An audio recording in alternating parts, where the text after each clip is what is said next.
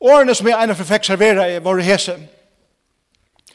Tøyn karlægje til Kristus.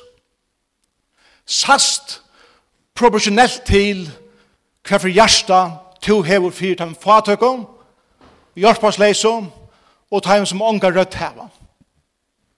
Og det var som å få en framanå.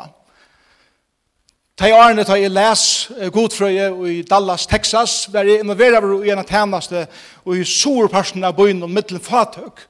Og i middelen eh, de som bor i slungarsteren og ut i kriminelle økene her som eh, bandar og hårer og, og ånder bolag av oss.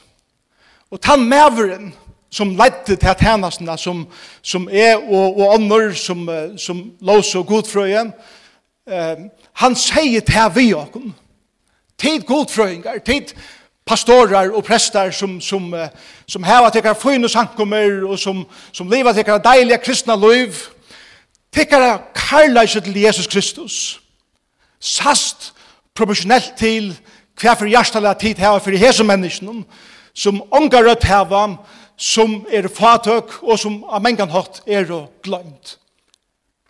Hei årene er ångande færen fram her. Det er sast her i okra løyve som tryggvande, som kallar okkur kristen.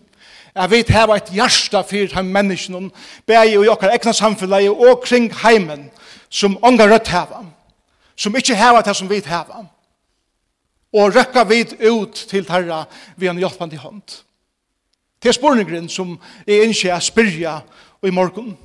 Og grunden for at jeg ikke spyrir at han spurningen i morgen er tøy at i det, sundagen 11. oktober, er det som vi kallar for Global Hunger Relief Daver.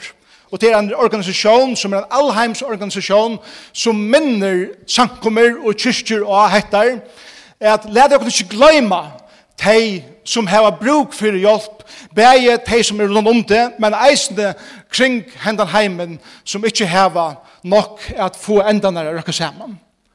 Og vi var mynt i Det er en dag som er det, og hettar at det er i vår ein milliard mennesker i kvöld, som færre til sånger, hvis det hever en sång, som ikke har finnet til inntøket av proteinen og vitaminen og det som skal til for at ligam skal kunne fungere. De har ikke finnet sin kropp metta igjen i kvöld, som vi kommer heim fra møte i det etter jeg var hukt etter disse sendingene. At han har et en deilig måltøy, og vi får vel, mett og vel sett til sånger i kvöld. Vi var mynt av en dag som er det. At det er fem millioner bøten som dodja koma ein million at heimann dødja tøy at de mangla føye. Tøy de mangla vitaminer. Og det dødje av at likame klarar ikkje at liva opp til den mangelen som er ut herra livet. Vi tar mynt av at det er mennesker kring heimen i det som lever i faderdomen, og av tog sama så lyder de ødel møvlig slø av sjukon og pesten som reikert her av liv, tog at de nå ikke og det klarer ikke regnfør som skal til, for at kunne leva sunt liv samtidig brev det eisne mynt av i det. At det er nok av mæte til at metta kvønn munn at han skjemelig arten av mennesker som lever i heimen i det. Bære av avlåpen som vi tæve av akkurat mæte som vi kallar borster og i Vesterheimen. Så huks om det at ta i vi tøma talasjen og vi køyre resten av skrell. At om alt det er samla saman, så har jeg ønsken vært svenker og jeg er sånn heime og i det. Men grunnen for at vi må være mynt og hettar er tog at såles er verleisen ikke. Verleisen er helt noen annar. Og om vi kallar okkur kristen og livet etter tog som Bibelen lærer okkur, så eier vi å være mynt av at om jeg elsker Jesus, og om jeg kallar meg en kristnan, så eier det å være skjønnelig. Og i mine hjerteleie i måte dem fatøke. Måtvist heimen hjelpersleise. Og måtvist heimen som ångar rødt heva. Og i sunneliv. Biblia lærer dere atlan veien. Vi finner tekster, lyssnar nu, bænt fram og undan, om hjärsta leie som god hever fyrir heim fatøkken, om hjärsta som, som gonger ut fra karlaga gods til hese menneskene som unga rødt heva, som ikkje få endene er at røkka saman. Samtidig verer, verer vi mynt og er god sier vi okkon. Heva mot hjärsta fyrir menneskene. Hoksi om teg som er fatøk. Hjelpet heimun som loja nei. Vær er rødt fyrir teg som unga rødt heva. Jakob sier at sånn og lydeleis gudstyrskan er hettar at vidja antjer og færleis og i trångt herra. Ja, men rødden tja profeten i gamla som hente vær alla tøyina hentan at han at profeten er hadde en båskap til landsens myndelaikar og eisende landsens religiøse laslo. At kvui gløyma dit tei som ikke heva. Hvor trusta tid hei under foten som ikkje heva en rødt at tala. Og ta samme rødden ljåar ui det. Og vi tar bruk fyrir å være mynt da. At det er så nevnt i okra landet og eisen som er kristen er bare hukk som okkur sjolv og det som vi heva og gløyma det som er her ute. Og en dæver som i det minner okkur nå. Er god hever hjersta fyrir ödel menneskjon. Og vi er at heva et hjärsta for heim menneskene, og vi sier at vi elska Jesus Kristus. Spurningen er bare, ja, men hvordan gjør vi det? Hvordan har vi et hjärsta for menneskene som er fatøk, som er hjelparsleis, som mange rødt heva? Ja, men akkurat besta fyrdømme er Jesus Kristus sjálfur. Det som jeg elsker vi lov i Jesus her, det som jeg elsker vi lærer Jesus her, er til at han har alltid et rett fokus, og at hei som ikke klarer det, og som ikke høtter han rødt. Og han lærte sine lærersvanner opp at få til hei for mennesken som han eisende heier. Og spørning som jeg spør meg sjåan er, ja, men hvordan kan jeg som en føringer, som, som lever i en land som det stender relativt vel til, og i mån til nekve er stender, hvordan kan jeg hava et slukt hjerte? Og i nekve føringer halde jeg at Jesus lærer er at vi er at bevege oss fra at være sympatisk til å være empatisk. Jeg vet at sympati og empati vil definere på imiske måter, men jeg halte at Jesus sier det så vel i de første salene i fjallabratikene. Sel, et la signa, er og henne fatøke og i anda. Til jeg rydde himmelryddes er terra. Hva betyr det? Jeg halte det betyr det at jeg begynner å få et perspektiv som er rett oppa livet, Ta og jeg djevist, er suttje med sjølvan hagri enn ånder, men at jeg fai eini og fyri, at ta i alt, kjemmer til alt. Så hev jeg bruk fyri hjelp og i munnen løyve til at jeg er en andalega fatekur personer. Og løyga mykje hvordan jeg var ogner i eie, eller hvordan materiellt vel det sender til kja mer. Det er så latt at missa.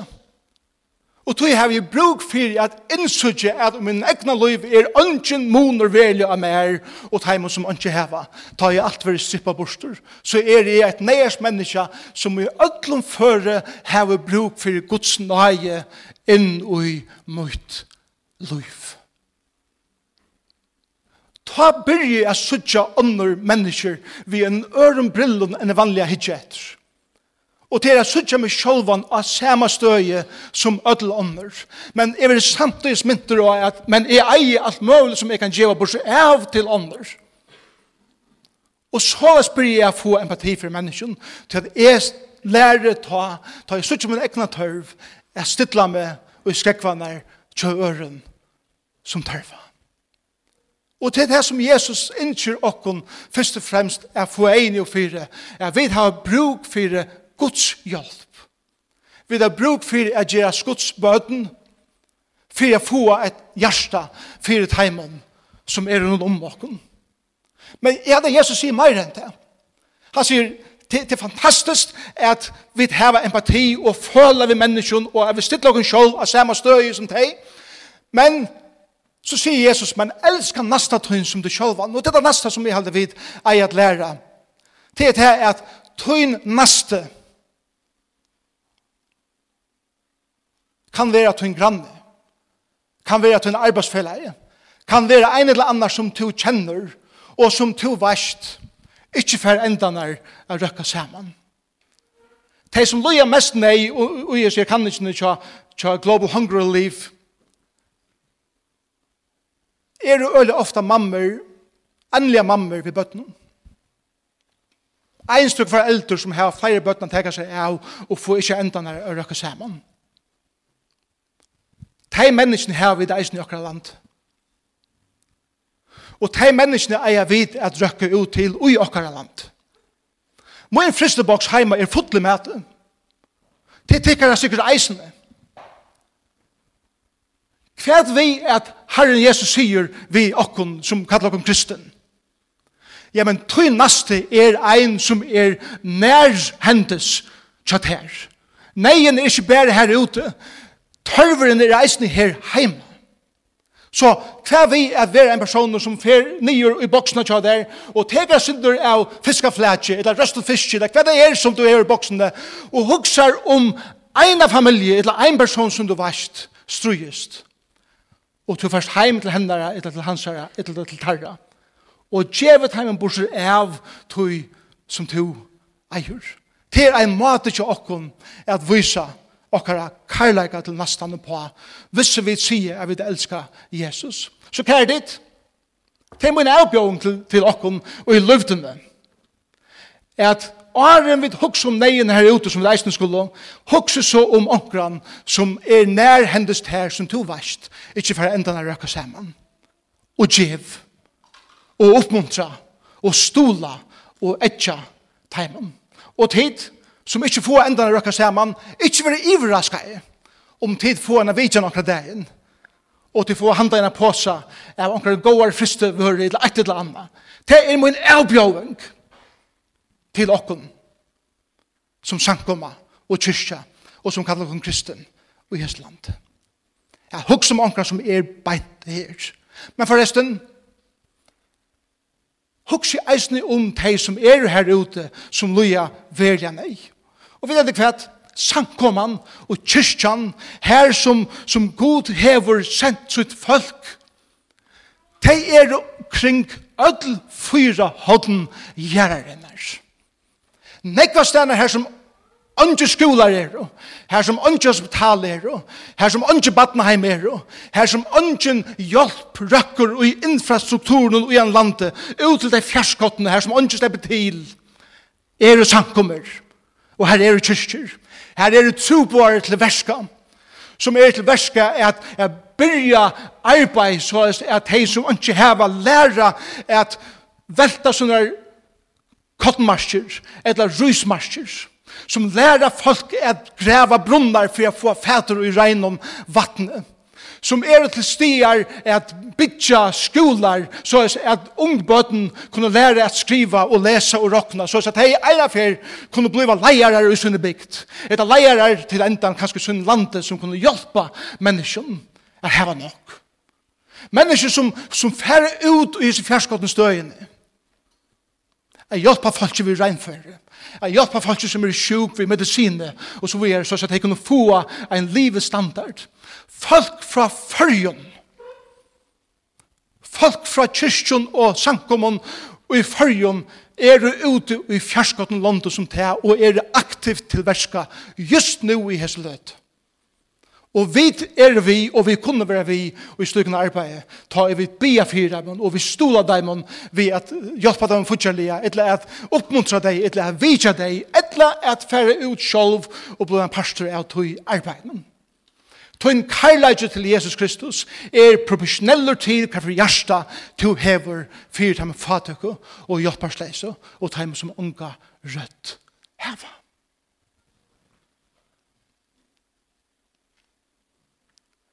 Men et av det som oppmuntrar meg mest til det at Jesus sier at jeg suttje det som du gjørst. Jesus sier, det som to gjerst ui lønd, det som andre veit nego om, ta to tæner einon og hjelper einon, eller stolar ein person, så suttje jeg det, og jeg veit at du hever mot gjersta. Så leser vi i Matteus 25, Og her tar seg Jesus om hvordan det er ta og vi for å spyrja han. Ja, men hvordan tante vi her, herre? Og han får si så leis. Jeg var svengur, og til gode med å ete. Jeg var tistur, og til gode mer at drekke. Jeg var fremmandur, og til toko og imot mer. Jeg var nætjen, og til klatte meg. Jeg var sjukur, og til vidtjave meg. Jeg var i fengehuset, og til kom og til munn. Ta skulle inn rattvis i svære hånden, herre, nær så vi til svenkan, og gå til eta, eller tistan og gå til drekka. Nær så vi til fremmanden og tog og måte til her, eller naknan og klatte det.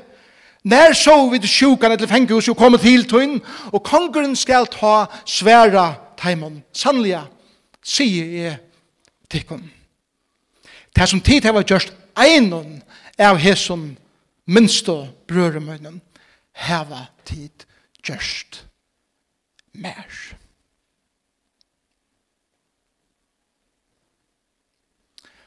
Jeg minnes han dagen ta og jeg var livet å lese. Og hette var akkurat sørste vidtjen ut i slumme og i Sordallas.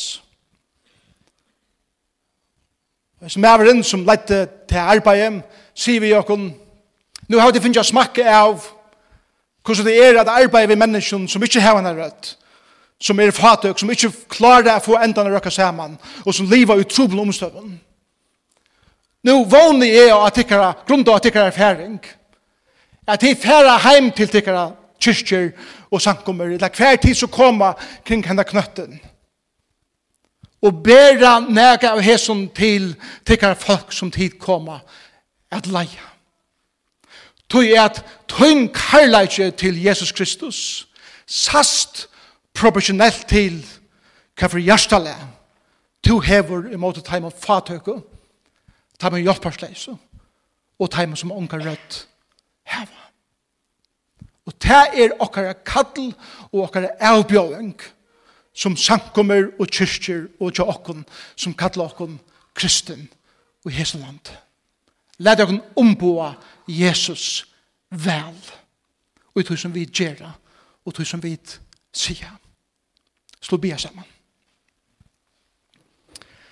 Takkar Jesus fyrir at du er okkara størsta og besta fyremynd. Ta det kjemme til at heva et hjärsta fyrir menneskjen. Takk fyrir det som du lærte. Takk fyrir hvordan du levde. Og takk fyrir det fyremynd som du har lagt etter til okkon at genga ui. Og vi ber her om at vi som kallar okken kristen i disse landet skulle ei kjennast av hessen, at det ikke bare er stjøtnen som skal syrja fire at hessen heimur vil mettavur, men at vi som kristen, vi som sankummer i kyrkjer, eisne tega dig av okken og trakka til og hjelpa. Først og fremst i okkar nær ungkvarve, men så gjerne eisne ut i den heim, som hever desperat bruk for hjelp. Men herre, jeg ber mest om jeg vet innsøkje, jeg vet er fatøk i ante og akkurat største tørver i løyvene er å være at nomen er til her, herre Jesus. Og teg imot det her som akkurat frelser Så så tog han gjør akkurat nytt løyv at livet til ære for det. Takk, Herre Jesus, for at det som vi gjør er mot en av de minste, Det er gjevet mot det her. Sjålt et lydig glas av vattnet, sier du. Det er som er gjevet her, imot det her. Herre, jeg ber for dere landet. Ber for dere følge. Jeg ber for dere løkmann, at du sikna ham.